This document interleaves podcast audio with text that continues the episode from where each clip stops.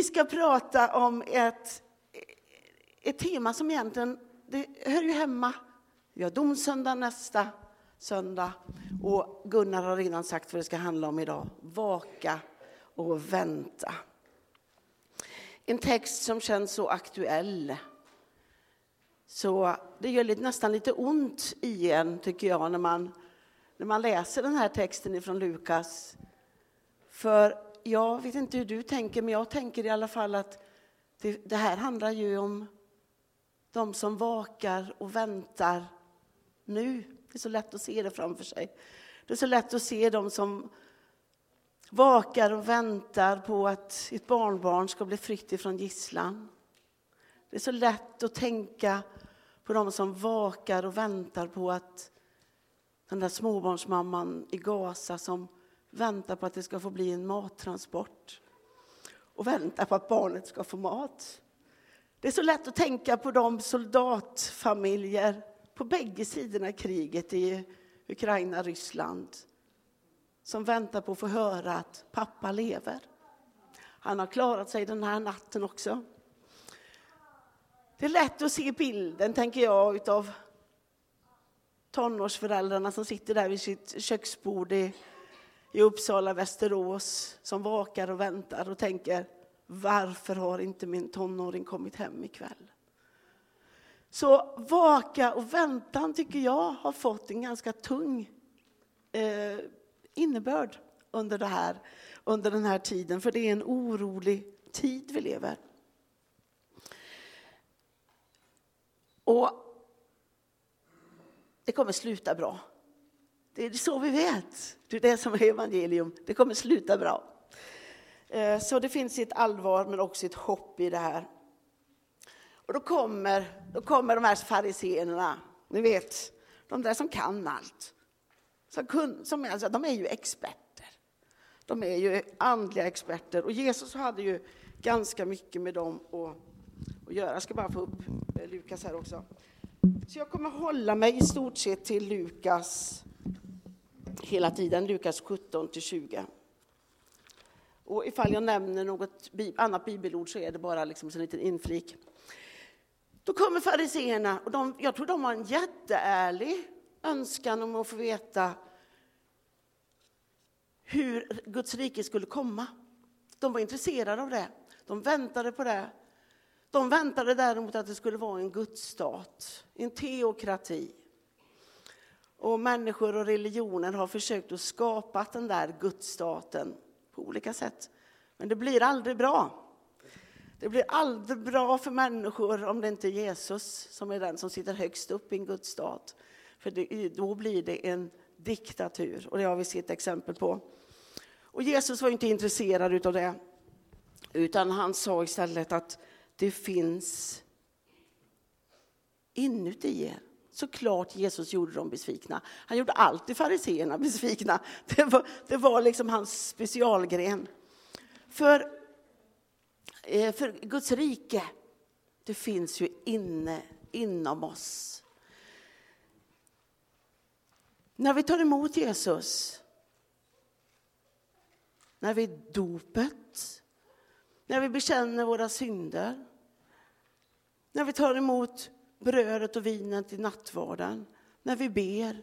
Alla de där sakerna gör att vi finns i Guds rike.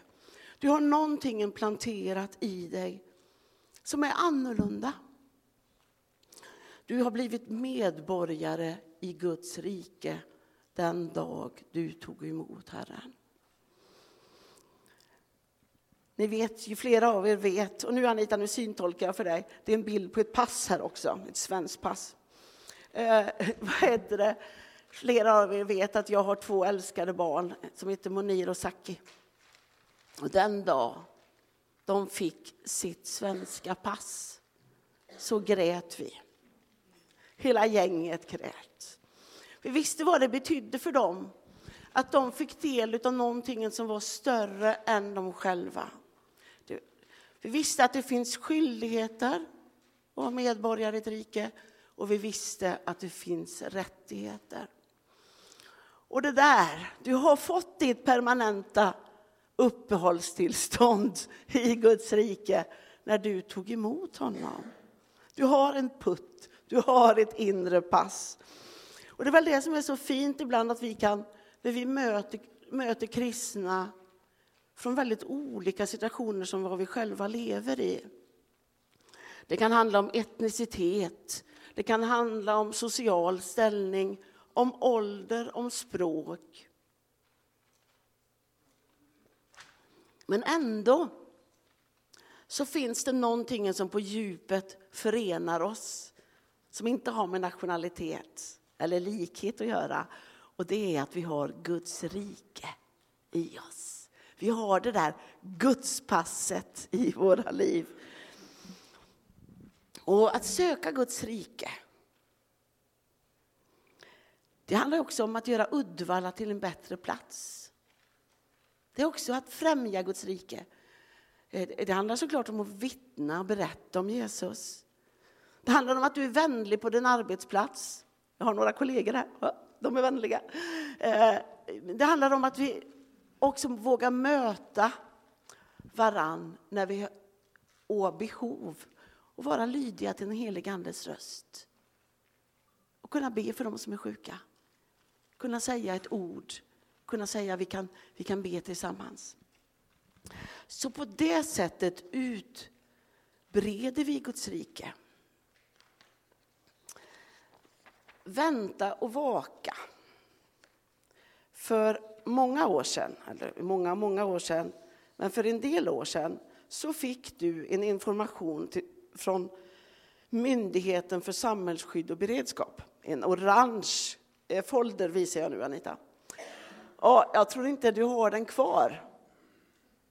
Förr fanns en telefonkatalog eh, och det hette Om kriget kommer. Men den är bra, vet ni. För där står det faktiskt saker och ting som vi behöver veta.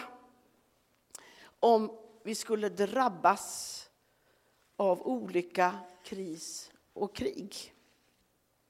Och om man bläddrar lite grann i den, och jag, jag tycker det finns så mycket paralleller så jag kommer både prata om MSBs eh, folder, väldigt, väldigt kort, men också prata om vad, vad har det att säga oss i vår krisberedskap, i vår vakan. Jo, ser ni, Eh, MSB har då skrivit Vad gör du om det blir kris? Jättebra tanke. Och så går man in på lite olika saker. Bland annat har man en rubrik som heter så här. Vad skulle du göra om din vardag vändes upp och ner? MSB tänker ju att vi behöver kunna klara oss. Om inte värmen, vattnet, elen, nätet funkar, ja, vad händer då med dig? Och jag tänker också det är lite intressant att tänka så här. Vad händer med mig och dig om vi drabbas av kris, olycka i vårt personliga liv, kanske i vårt andliga liv? Vad händer med oss när vi möter sjukdom? Vad händer med oss när vi möter arbetslöshet eller annat oförutsett? Har vi en beredskap MSB vill ju att vi ska ha eh, sparat en vecka, ganska lång tid att klara sig som man vill. Eh, eh, MSB vill ju att vi ska ha vatten och vi ska ha trangiga kök och vi ska ha olika saker, bönor och linser och grejer i våra förråd. För en vecka ska du klara dig för att samhället ska kunna ta hand om dem som absolut inte klarar sig. Och hur ser det ut i din andliga krisberedskap då? När krisen kommer, lägger du bort Gud eller rusar du till Gud? Låter du Gud hjälpa dig och bär dig i krisen? Jag ser flera av er och jag kan säga, jag vet att er krisberedskap är god. För du har redan gått igenom en del kriser och Gud har burit dig igenom. Men jag tycker det är en sån viktig bit ändå att tänka på. Vad har jag? Har jag bönen som en naturlig del i, i min krisberedskap?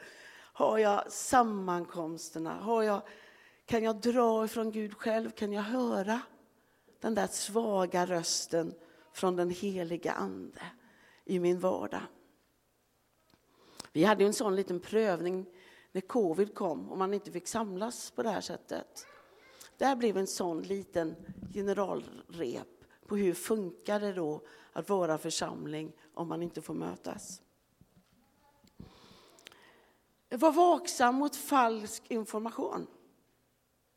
Ja, det är ju så viktigt nu så man inte man kan inte förstå en gång hur, hur man kan man sitter där och så tittar man på en bild ifrån någon av de här krigszonerna och så tänker man, men vad är, vad är sant och vad är falskt? Vem i hela världen ska jag lita på? Jag vet en, en aktiv frikyrkomedlem flyttade utomlands. Och, och det var en situation, kunde inte språket, kunde inte besöka de lokala kyrkorna. Utan den personens pepping, den kom ifrån Youtube och från Facebook. Efter många år så flyttade den här personen tillbaka till sin hemförsamling. Men då var det på något sätt att det den hade fått med sig var så totalt annorlunda mot det som predikades. Så den här personen gick till slut ur sin lokala församling. För den lokala församlingen sa nej, vi tror inte att världen är platt. Det finns så mycket skit, Oj, får man säga så? Ja, det är faktiskt skit.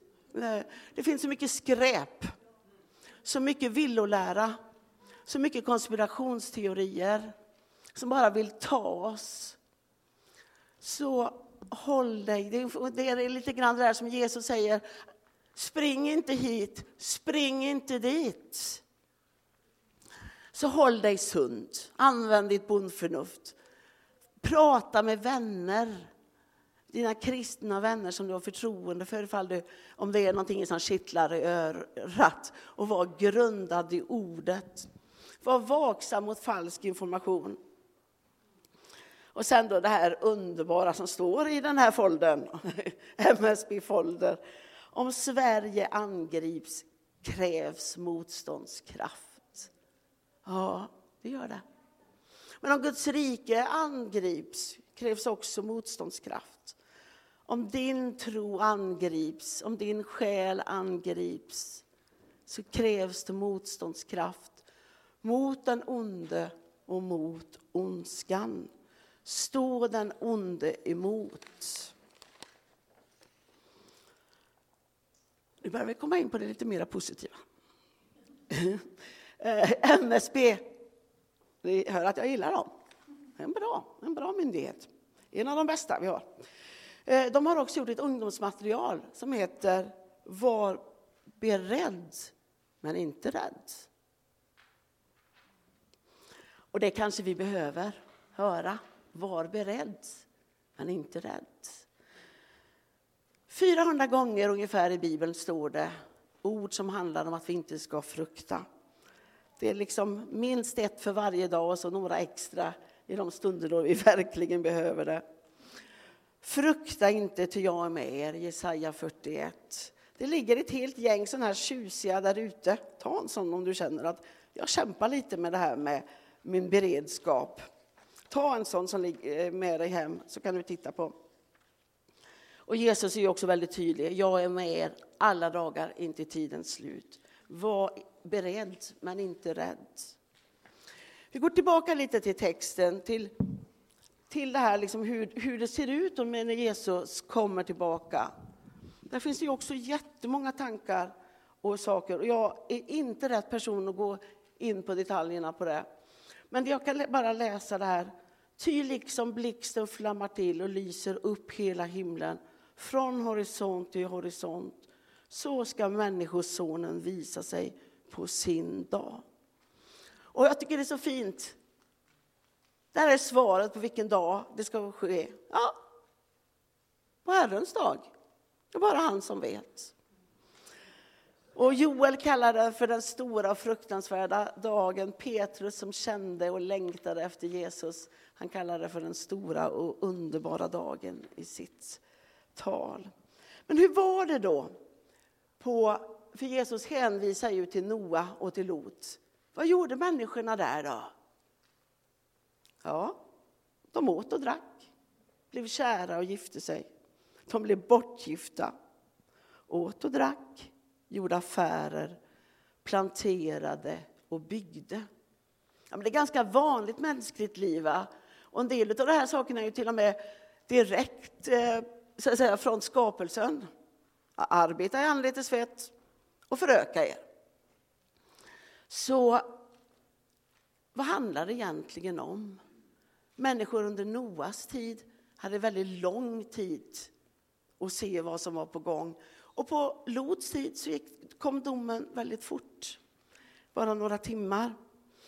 Men jag tänker att de här orden, det handlar om att om vi bara nöjer oss med det som är det mänskliga, om vi bara nöjer oss med det som vi ser, luktar, smakar, känner, då går vi miste om det övernaturliga. Vi går miste om det som vi skapade till att finnas i gemenskap med vår Gud.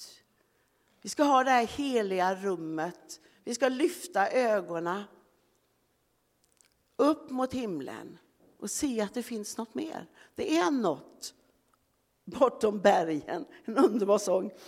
Det är, finns någonting där som lockar oss till bön.